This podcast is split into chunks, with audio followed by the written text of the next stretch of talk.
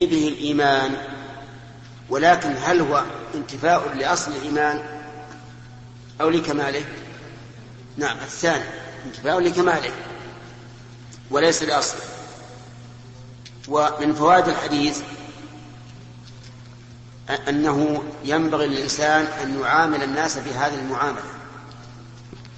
لا تعاملهم بشيء لا تحب أن يعاملوك به.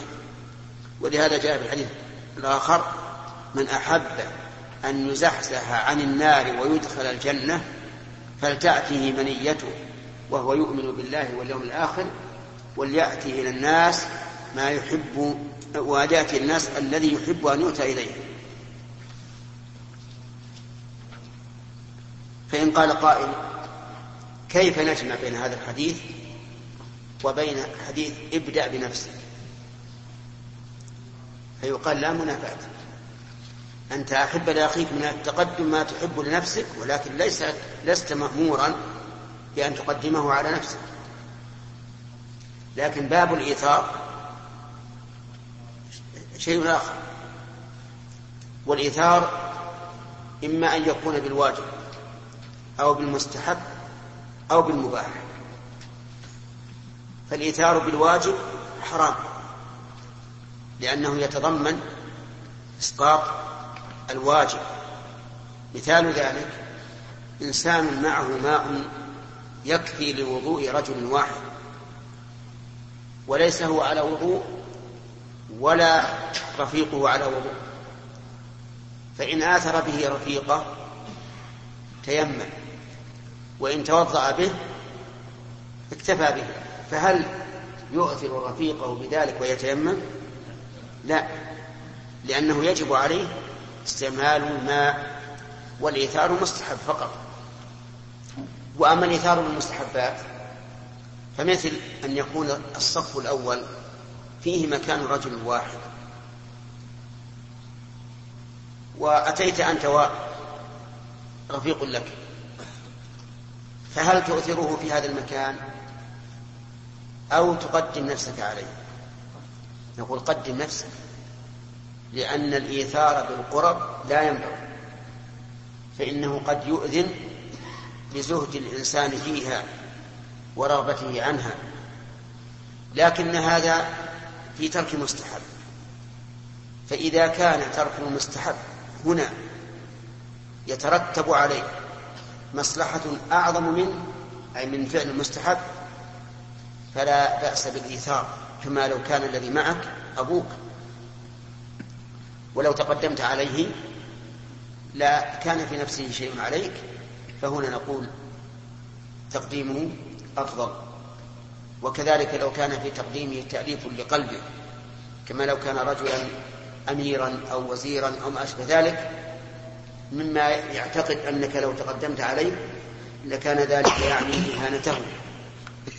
فهنا درء المفسدة أولى من جلب المصلحة.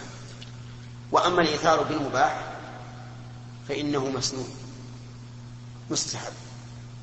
لما في ذلك من الإحسان إلى الغير والتخلق بالأخلاق الفاضلة.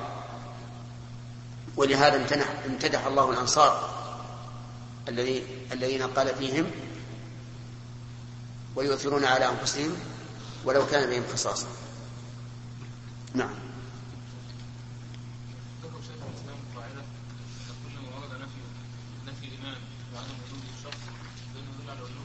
نعم هذا صحيح.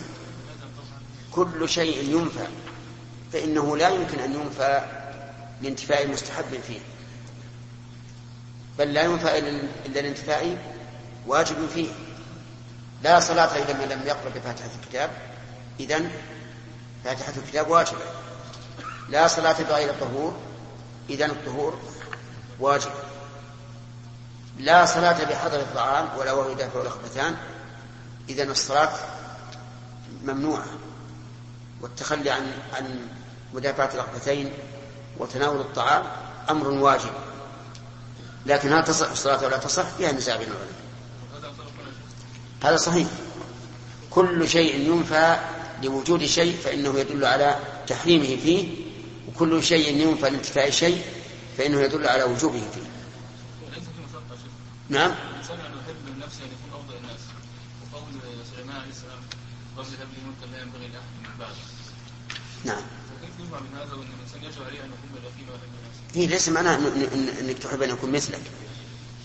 المعنى كما تحب لنفسك الخير فحب فأحبب له الخير ولا تحسده. وليس المعنى أن يكون ان أن يزاحمك فيما أنت فيه. ابدأ بنفسك. أنت. إيش؟ وجد ما لا يكفي الا بغسل رجل واحد نعم. اردت ان اغتسل للجمعه ومعي صديق يريد ان يغتسل من الجنابه وكيف غسلين واجب المال من؟ لك؟ بينكم. اقترع عليه. وإن قدمته فهو أفضل لأن غسله واجب عن حدث فهو أولى منك يتعازمون على الصف الأول والصف الأول فيه مكان لشخص واحد يتعازمون؟ شلون يتعازمون؟ كل واحد يقدم الثاني لكن لا يتقدم على في أنفسهم شيء هم معذورون إذا صار في أنفسهم شيء عليك المكان هم أحق به منك الآن. لأنهم تقدموا إليه لكن واحد يقول تقدم ولا يقول تقدم. أنت؟ إلا إذا كان قصدك تفك النزاع ما على كل هذا اترك لا شك أنا لو وقعت منك وعلي أنا وصاحبي لوجدت في نفسي عليك. أخذنا ثلاثة؟ نعم. باب حب الرسول صلى الله عليه وسلم من الإيمان. حدثنا أبو اليمان قال أخبرنا شعيب قال حدثنا أبو الزناد عن الأعرج عن أبي هريرة رضي الله عنه أن رسول الله صلى الله عليه وسلم قال فوالذي نفسي بيده لا يؤمن أحدكم حتى أكون أحب إليه من والده وولده. حدثنا يعقوب بن إبراهيم قال حدثنا ابن علية عن عبد العزيز بن صهيب عن أنس عن النبي صلى الله عليه وسلم حاء وحدثنا آدم قال حدثنا شعبة عن قتادة عن أنس قال قال النبي صلى الله عليه وسلم لا يؤمن أحدكم حتى أكون أحب إليه من والده وولده والناس أجمعين. هذا الحديث أيضا فيه دليل على وجوب محبة الرسول عليه الصلاة والسلام وتقديم محبته على محبة كل أحد حتى على الوالد والولد والنفس. والنفس يدخل في قوله والناس أجمعين. ولهذا لما قال عمر والله إنك لأحب إلي من كذا وكذا إلا من نفسي. قال ومن نفسي.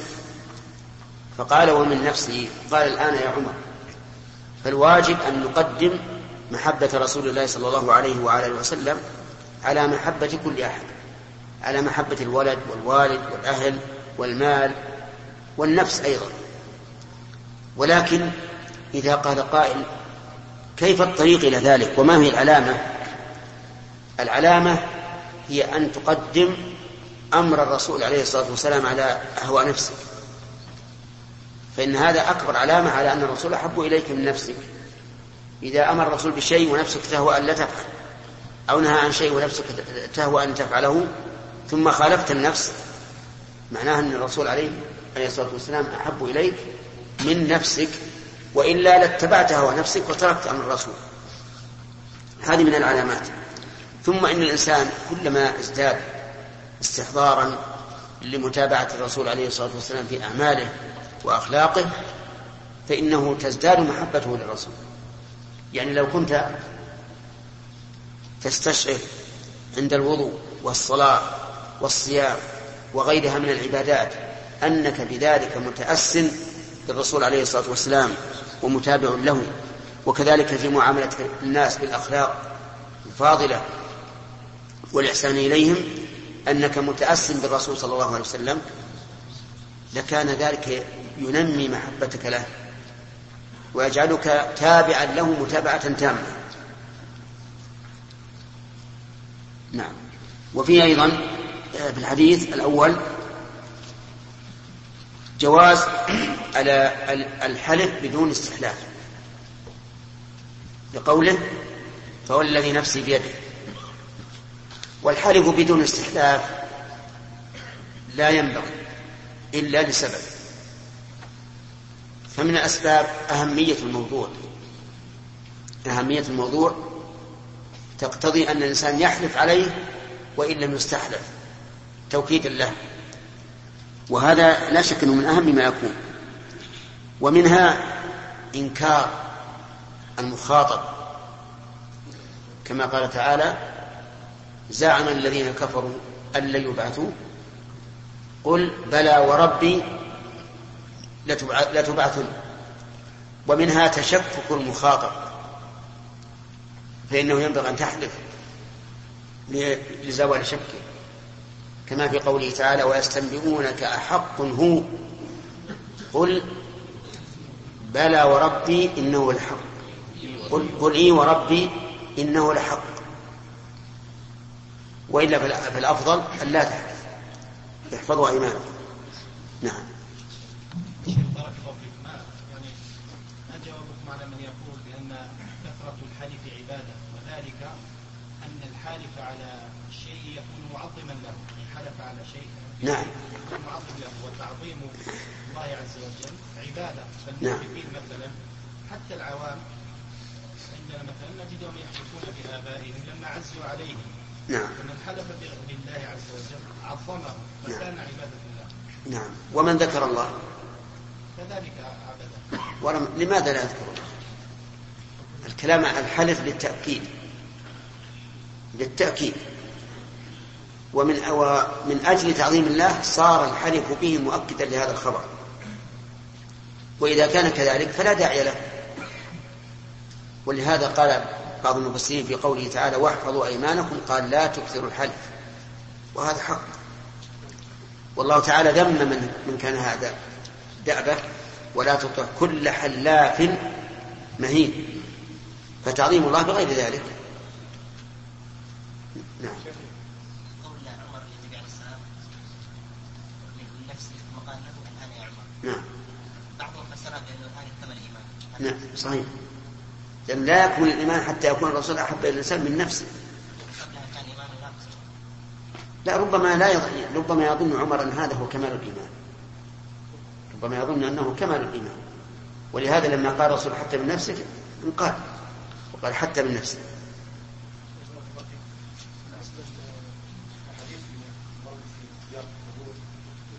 إيش إيش؟ بالنسبة لزياره القبور ورد فيها احاديث بالنسبة يعني الانسان حرص الانسان أنه يعني زياره القبور هذه يستغفر الاستغفار يعني زيارة للاستغفار فقط الانسان يذهب إلى القبر ليستغفر لصاحبه ويأمنه ويأمنه أما تشخص ذلك على أمرين وشلون؟ عندما يزور الإنسان قبر نعم فهو يذهب إليه بنية الاستغفار بنية الإيمان. يذهب إليه بنية امتثال عن الرسول. نعم. لأنه قال زوروا القبور فإنها تذكر الآخرة. نعم. وليتذكر الآخرة. ويسلم عليهم بالسلام المعروف. ويستغفر لهم. طيب. هو هو يقول اللهم لا تحرمنا أجرهم ولا تفتنا بعدهم واغفر لنا ولهم. طيب. زيارة النبي صلى الله عليه وسلم قبر قبر أمه نعم. نعم. قد أذن الله عز وجل للنبي صلى الله عليه وسلم أن يزور قبره. موجود. دون أن يستغفر. نعم؟ أي الفائدة الاعتبار. ولهذا قال العلماء يجوز زيارة قبر الكافر للاعتبار. طب في هناك حديث آخر يقول مروا على قبور يعني معنى الحديث إنه مروا على قبور الكفار والمشركين مرور الكرام يعني مرور بسرعة لأنها محل أهلها والله ما أدري. ومرور الكرام؟ ترى ما هو مرور الكرام بسرعة. يعني الكريم يبطي عشان ينفع الناس ويطعمهم. لا مرور مرور بسرعة. يعني معنى الحديث أنا قلت معنى الحديث لا هو الرسول أوصى رجلا أن أنه لا يمر بقبر عامري أو قرشي إلا بشره بالنار. طيب. طيب. محل هذا يعني الإنسان يذهب إلى زور زور مقابر. المشركين إذا كان للاعتبار يعني افرض هذا الكافر مثلا معظم في قومه سيدا في قومه ثم بعد ذلك يكون تحت الأرض يعني ما يشد شيء نعم.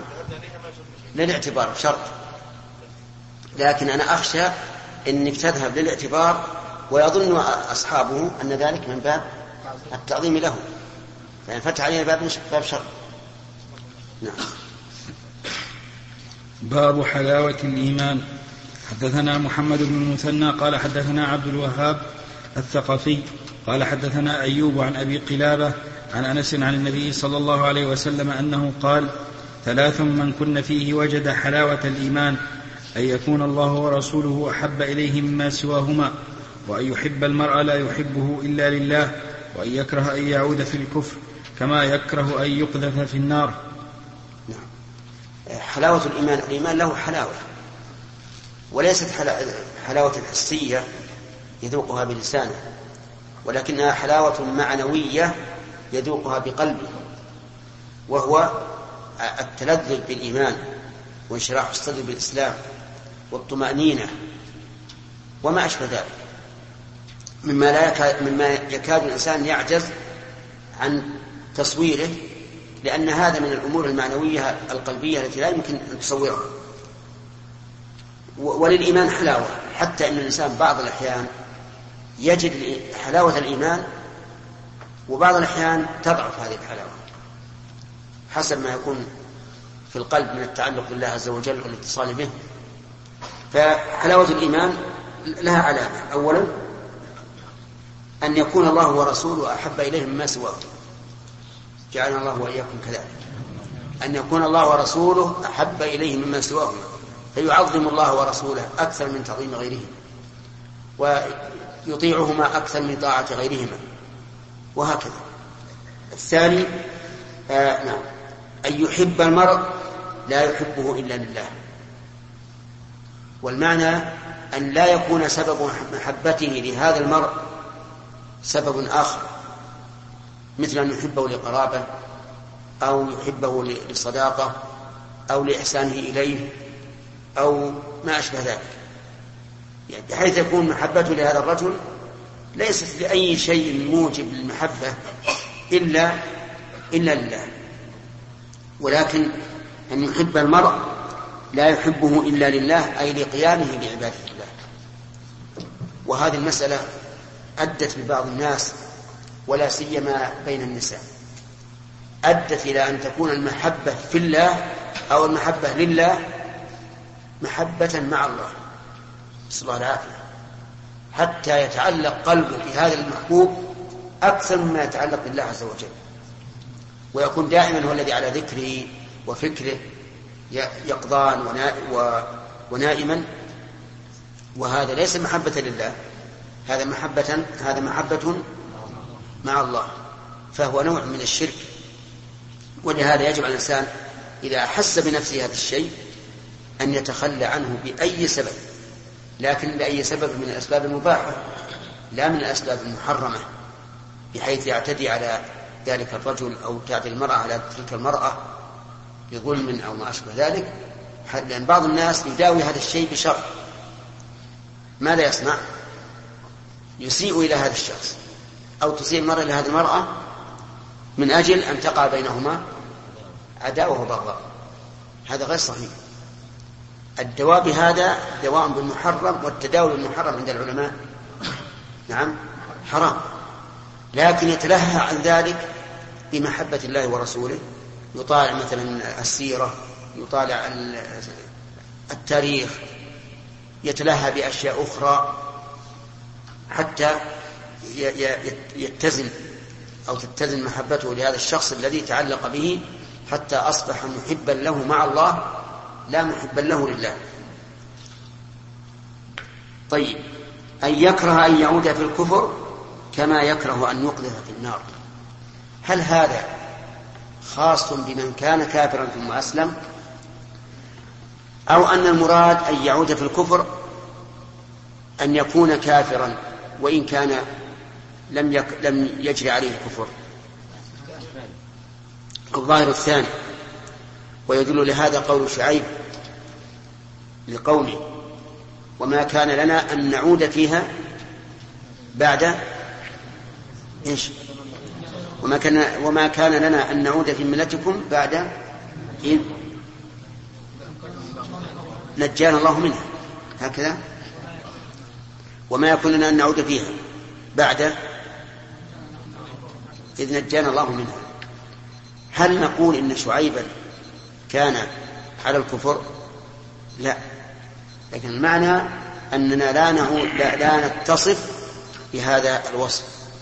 قالوا ومنه قوله صلى الله عليه وآله وسلم لا تقوم الساعة حتى تعود جزيرة العرب مروجا وأنهارا. المعنى؟ ليس المعنى أنها كانت بالأول مروجا وأنهارا ثم ثم تعود بل المعنى حتى تصير مروجا وأنهارا. فالظاهر أن قوله أن يعود في الكفر يعني معناه أن يصير فيه وليس المراد أنه كان كافرا ثم أسلم نعم. كما يكره أن يقذف في النار. وكم من أناس عرض عليهم الكفر أو القذف في النار فاختاروا القذف في النار. هذا يدل على أن أنهم وجدوا حلاوة الإيمان. ولكن يقال لو أن رجلا أكره على الكفر أو يقذف في النار فهل له أن يكفر؟ نعم يكفر بلسانه فقط. لقوله تعالى إلا من أكره وقلبه مطمئن بالإيمان. طيب. نعم. شيخ نوع محبة النبي صلى الله عليه وسلم هل هو مع الله؟ لا. ليس محبة مع الله. محبتنا للنبي عليه الصلاة والسلام محبة رسول.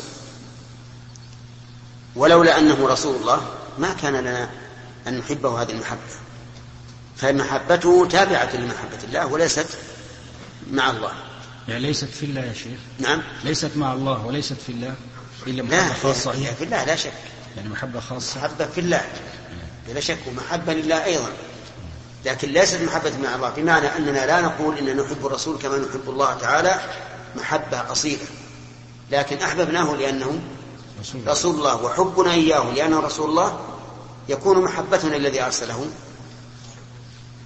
أشد. أشد. لأن محبة التابع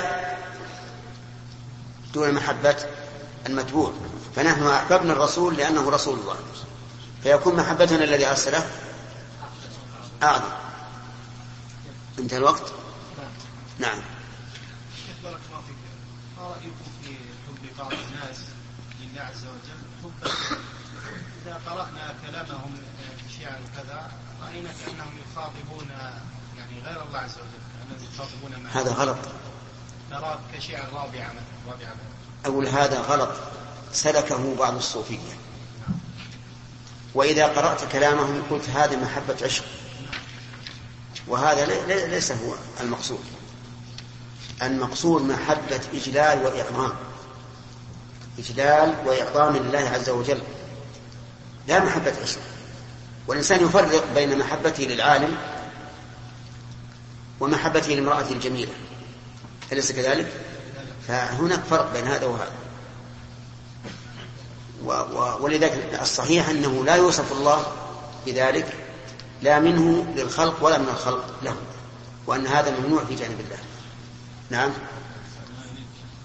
هنا مسألة مهمة يا شيخ ينبغي أن أن يكرر وي- وي- ويردد على على على الأخيار ألا وهي يا شيخ وقوع بعض بعض الأخيار في مسألة العشق.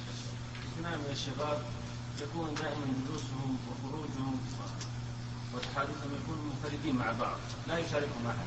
فإذا رآه مع مع شخص آخر وجد في قلبه شيء من ال- الكره أو البغض الثاني. وهذا شيخ آخر يأخذ يدخل علينا شيخ يعني يد- يد- يدخل على الأخيار. فيقال انظر إلى طلبة العلم. كيف مع بعض يخلو به؟ مسألة يعني وقع فيها كثير من الشباب نعم. والله على كل حال الإنسان الإنسان على نفسه بصيرة. ولا يمكن أن تجعل لهذا قاعدة عامة بحيث تتهم كل إنسان يخلو بزميله يعتبر آه، خلوة يعني خلوة عشق مثلا.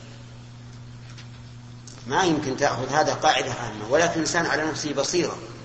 إذا حس من نفسه أن هذه المحبة ستنقلب إلى محبة عشق فالواجب عليه أن- ينقذ نفسه.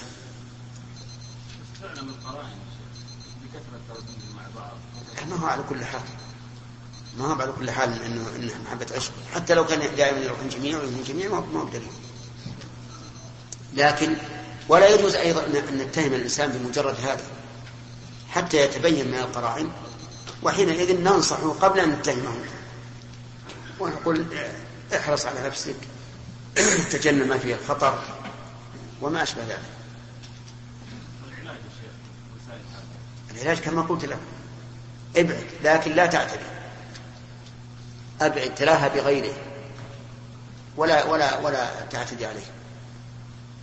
شيخ الإسلام يقول إنه يفرق بينهما حتى في بلد من. هذا هذا اللي مبتلى هذا المبتلى بعشق مبتلى. أما الإنسان الطبيعي بعض الناس يعني لو يجيه أجمل أجمل الناس ما همه؟ كأنه أقبح الناس أو كأنه ولد من أولاده. فالنفوس النفوس تختلف لكن لا شك أن الشيطان يجري من البلاد مجرى الدم. وأنهم كما قال بعض السلف إن انهم أشد فتنة من العذارى وهو وهو يحذر من النظر إلى أبناء الملوك لأن أبناء الملوك دائما يكونون منعمين مترفين والثياب جميلة والوجوه كذلك تنظف دائما يخشى من الموت نعم. انتهى؟ شباب نعم. نعم في رواية يا شيخ المجد روايه اتى وفي يده يخرج النبي صلى الله عليه وسلم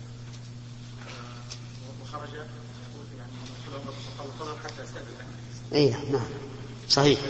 هذا أحيانا أحيانا الرسول يجعل الإنسان على الباب يمنع الناس إلا بإذن لكن لعارض. لعارض. إيه لعارض. ما هو دائما ها؟ الصحابه اي نعم. إيش يرد عليهم ما يلتزموا يعني يكون يكون له اسم النبي صلى الله عليه وسلم بذلك يعني هذا في منع ال- لم لا يمنع احد ترى حر يا عم شغلها ها؟ قول ان أقول لا بأس أن يتخذ الإنسان بوابا أحيانا. لا بأس. إي نعم. نعم. نقول ان السؤال عام الرسول بقوله افلا ابشر الناس افلا ابشر الناس ان يكون هذا من السؤال المنهي عنه بقوله تعالى يا ايها الذين امنوا لا تسالوا عن تسؤكم لأن الأصل آه، في السماع الرسول صلى الله عليه وسلم. فيها فلماذا؟ ما تقول في هذا السؤال؟ يقول هل إن قول معاذ أفلا أبشر الناس من باب السؤال الذي لا ينبغي؟ فهو يدخل في قوله لا تسألوا عن أشياء إن تبدأ لكم تسؤكم. فلو أنه سكت حتى يبلغ الحديث بدون أن ينهى عن تبليغه. بن داود.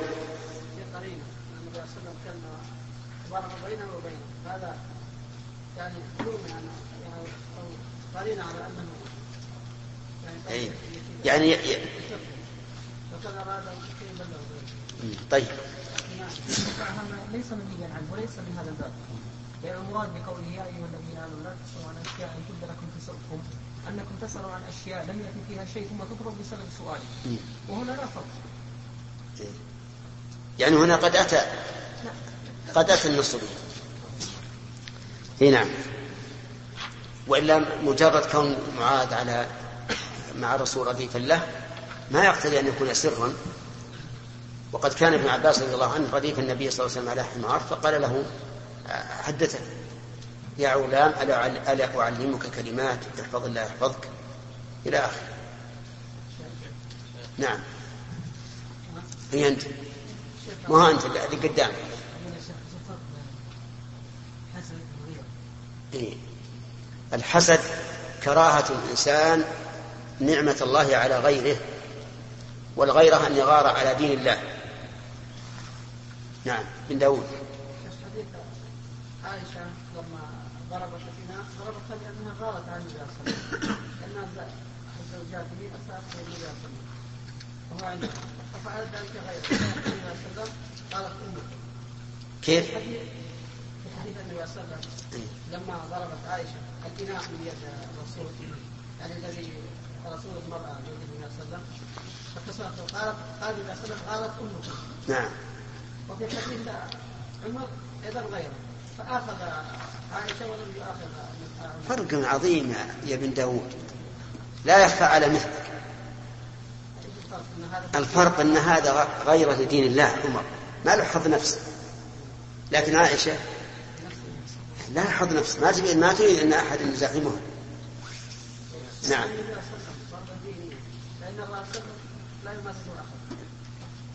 لا ابدا. عائشة كما تعرف غيرتها رضي الله عنه عنها.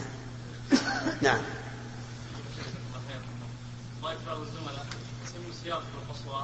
إيش؟ السيارات. يقول صلى الله عليه وسلم كان يسمي دواب. ما يخالف إنه سمى. سمها لكن القصوى اسم بعير الرسول عليه الصلاة والسلام. ولا له معنى أنك تسميها القصوى تسمينا. إنه من من السنة أن الإنسان يسمي أسلحته مثلا سلاحه يسميه يسمي مركوباته يسمي بيته. نعم. يسمي مثلا ساعته إذا صار عنده ساعتين فأكثر. نعم. يسمي ثوبه. ما في. هذا. الفراشه اللي معكم نعم. الساعة الفراشه اللي معكم شو اسمه؟ اسمها الساعة الإلكترونية. نعم. انتهى الوقت؟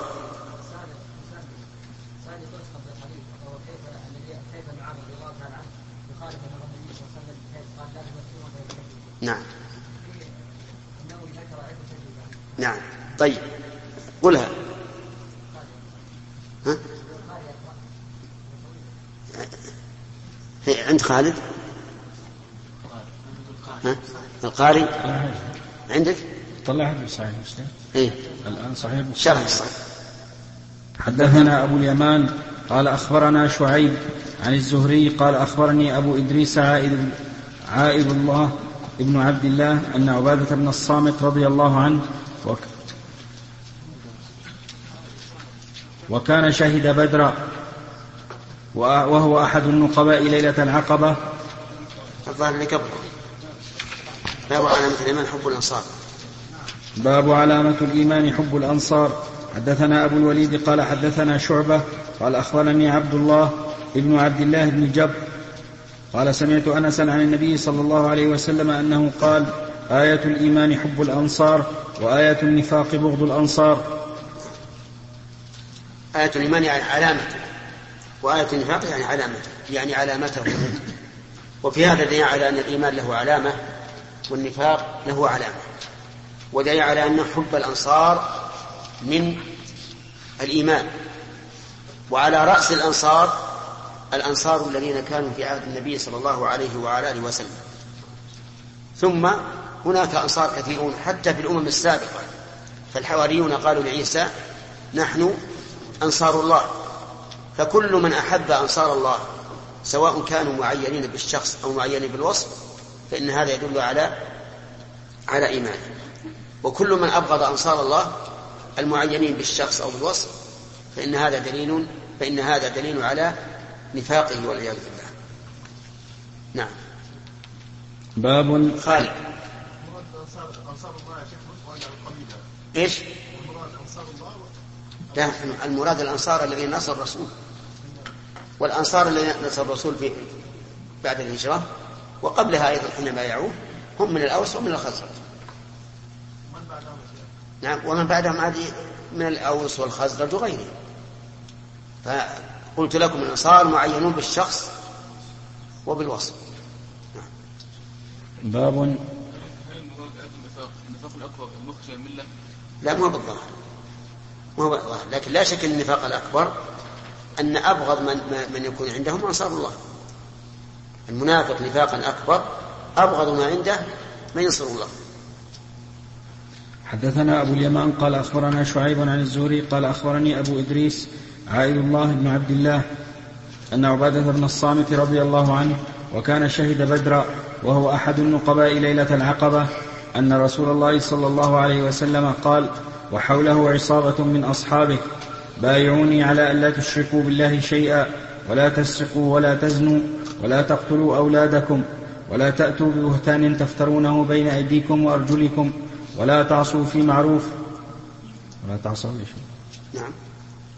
تعصوا ولا تعصوا في معروف. فمن وفى منكم فأجره على الله. ومن أصاب من ذلك شيئا فعوقب في الدنيا فهو كفارة له ومن أصاب من ذلك شيئا ثم ستره الله فهو إلى الله إن شاء عفى عنه وإن شاء عاقبه فبايعناه على ذلك.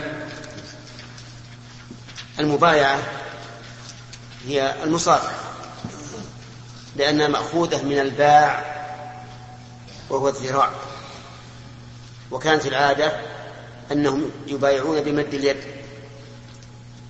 كما قال الله تعالى إن الذين يبايعونك إنما يبايعون الله يد الله فوق أيديهم. وهذه البيعة تسمى بيعة النساء لأن الله تعالى قال يا أيها النبي إذا جاءك المؤمنات يبايعنك على أن لا يشركن بالله شيئا إلى آخره. وفي قوله ولا تعصوا في معروف لم يقل ولا تعصوني لأن ذلك أعم. يعني لا تعصوا الله ولا تعصوني. وقوله في معروف لا يظن الظان أن أن أن لها مفهوما وهي وهو واعصوني في المنكر. لأن النبي صلى الله عليه وعلى آله وسلم لا يمكن أن يأمر بالمنكر. ولكن هذا القيد لبيان الواقع والحال. وهي أن النبي صلى الله عليه وعلى آله وسلم لا يأمر إلا بمعروف. ونظير هذا قوله تعالى يا أيها الذين آمنوا استجيبوا لله وللرسول إذا دعاكم لما يحييكم. فهل لها مفهوم؟ يعني وإذا دعاكم لما لا يحييكم فلا تجيبوه؟ لا. لكنها لبيان الواقع والحال وهو أنه لا يدعوكم إلا يحييكم ونظير ذلك أيضا قوله تعالى يا أيها الناس اعبدوا ربكم الذي خلقكم والذين من قبلكم. اعبدوا ربكم الذي خلقكم. هل لها مفهوم؟ يعني ولا تعبدوا ربكم الذي لم يخلقكم؟ أجيب. لا. لكن هذا لبيان الواقع والحال. يعني أنه هو الذي خلقكم. وهذه مسألة ينبغي لطالب العلم أن ينتبه لها. ويسمى هذا القيد عند العلماء القيد الكاشف يعني الصفة الكاشفة المبينة للواقع والحال. وقوله عليه الصلاة والسلام فمن أصاب من ذلك شيئا فعوقب في الدنيا فهو كفارة له. أخذ العلماء من هذا أن الحدود كفارة للذنوب. يعني أن الإنسان إذا زنى وأقيم عليه الحد كان ذلك كفارة له. ما لم يزن مرة أخرى فإن زنى مرة أخرى احتاج إلى توبة أو كفارة. وقوله عوقب به في الدنيا يعم العقوبة البدنية التي من فعل الخلق كالحدود والتعزيرات وكذلك العقوبة القلبية أو العقوبة البدنية التي من الله. فكلها عقوبة قال الله تعالى وما أصابكم من مصيبة فبما كسبت أيديكم ويعفو عن كثير.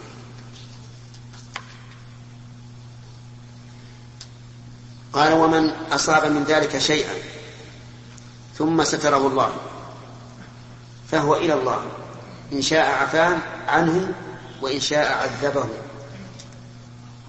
عاقبه نعم. وإن شاء عاقبه فبينه على ذلك. هذا العموم ليس مرادا لأن قوله من ذلك المشار إليه ما سبق ومنه الشرك بالله. والشرك بالله لا يدخل في هذه العبارة. لماذا؟ لأن الله يقول إن الله لا يغفر أن يشرك به ويغفر ما دون ذلك لمن يشاء. فيستفاد من هذا أن النصوص قد تأتي عامة ويراد بها بعض أفراد العموم. لا كل أفراد العموم ويسمى عند بعض الفقهاء أو عند بعض الأصوليين العام الذي أريد به الخاص. وفي هذا الحديث أيضا دليل على أن فاعل المعاصي قد يستر وقد يكشف. وهو الواقع. فإن الإنسان قد يسر الله عليه ويفعل معاصي كثيرة ولا يطلع عليه أحد. وقد يفعل معاصي ويطلع عليه الناس أحيانا يطلعون عليه من جهة حاله ووجهه وتصرفاته وأحيانا هو بنفسه ينطق وإن لم يختر بأنه فعل كذا وكذا. وما من إنسان يفعل معصية إلا أظهرها الله كما قال الحسن البصري رحمه الله إلا أظهرها الله تعالى على صفحات وجهه وفلتات لسانه. قد يفلت فيقول كلمة تدل على ما حصل من المعصية. ولهذا ينبغي الإنسان أن يكثر دائما من استغفار الله طلب المغفرة. نعم. نعم. لا الهمزة على كرسي. لا مو أنا عندي على كرسي. كرسي ما لا القاعدة الإملائية هكذا لا المسلمين حب الانصار والانصار هل هو عام أو حبهم لاجل انهم ناصر النبي؟ لأن قد يكون يكون الحب شخصي لا لا لا. مراد الأنصار لنصرته ولهذا قلنا يا عم الأنصار اللي هم الأرسل والخزرج وغيرهم حتى أنصار عيسى عليه الصلاة والسلام يحبهم. نعم.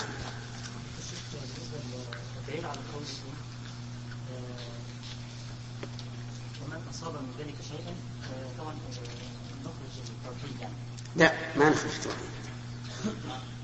نخرج ومن أصاب من ذلك شيئا ثم ستره الله. الأخيرة يعني. أي. نعم. حتى الشرك يعاقب عليه في الدنيا. يقتل المرتد يقاتل. حتى يعطي الجزية إن كان من أهل الجزية أو يقاتل مطلقا إن لم يكن أهل الجزية. نعم شرف بارك الله فيكم بقولنا هذه بيعة النساء الله سبحانه وتعالى قال يقول يا الذين يا ايها المؤمنين جاءت رمضان كيف قلنا هنا وقد الحديث حول الانسان من اصحاب فبايعوا نعم. وجه هذا هذه تسمى قلت لك يسميها العلماء بل إنها حتى في في ألسنة الصحابة يقولون بيعة النساء. يسمونها بيعة النساء. كيف؟ لا الله يهديك. هذه بيعة النساء يعني التي بايع النبي صلى الله عليه وسلم النساء عليها يعني بايع النساء وبايع الرجال. لكن أصلها في القرآن نزلت للنساء. فلهذا يطلق عليها بيعة النساء. باب من الدين الفرار من الفتن. حدثنا عبد الله بن مسلمة عن مالك عن عبد الرحمن بن عبد الله بن عبد الرحمن بن أبي صعصع عن أبيه عن أبي سعيد الخدري أنه قال قال رسول الله صلى الله عليه وسلم يوشك أن يكون خير مال المسلم غنم يتبع بها شعف الجبال ومواقع القطر يفر بدينه من الفتن. كأني بكم ستخطئون الأخ. مصطفى. لأنه رفع خبر كان يوشك ونصب اسمه. يعني قصد يكون. خيرا. نصب اسم يكون ورفع خبره. أليس كذلك؟ لا. هذا إيش؟ الجواب عن أنه من تقديم الخبر على الاسم ولهذا قال غنم يتبع بها شاة وهذا واضح. طيب ويجوز يعني لو, لو في غير هذا التركيب يجوز أن تقول خير مال المسلم غنم فتجعل الخير مبتدأ وغنم خبر. أيها غنما سبحان الله. المهم هو يجوز. من حيث التركيب جائز هذا وهذا طيب شعف الجبال يعني أعلاها. ومواقع القطر يعني مواقع الأمطار كالرياض والسهول والشعاب وهذا متى؟ يقول يفر بدينه من الفتن. يعني أنه في المدن والقرى يخشى على نفسه. فيخرج بغنمه إلى شعف الجبال ومواقع القطر يفر بدينه من الفتن. وقوله عليه الصلاة والسلام يوشك يعني يقرب. وهذا حصل منذ حصلت الفتنة بين علي بن أبي طالب ومعاوية رضي الله عنهما وما بعد ذلك. فإن من الناس من اعتزل وصار بعيدا عن هذه الفتن كلها. ويؤخذ من هذا الحديث أيها الإخوة أن الواجب في على ختام هذه المادة على دينه نسأل الله أن نلقاكم في لقاءات على متجددة ترف بدنه. مع تحيات مؤسسة الاستقامة الإسلامية للإنتاج.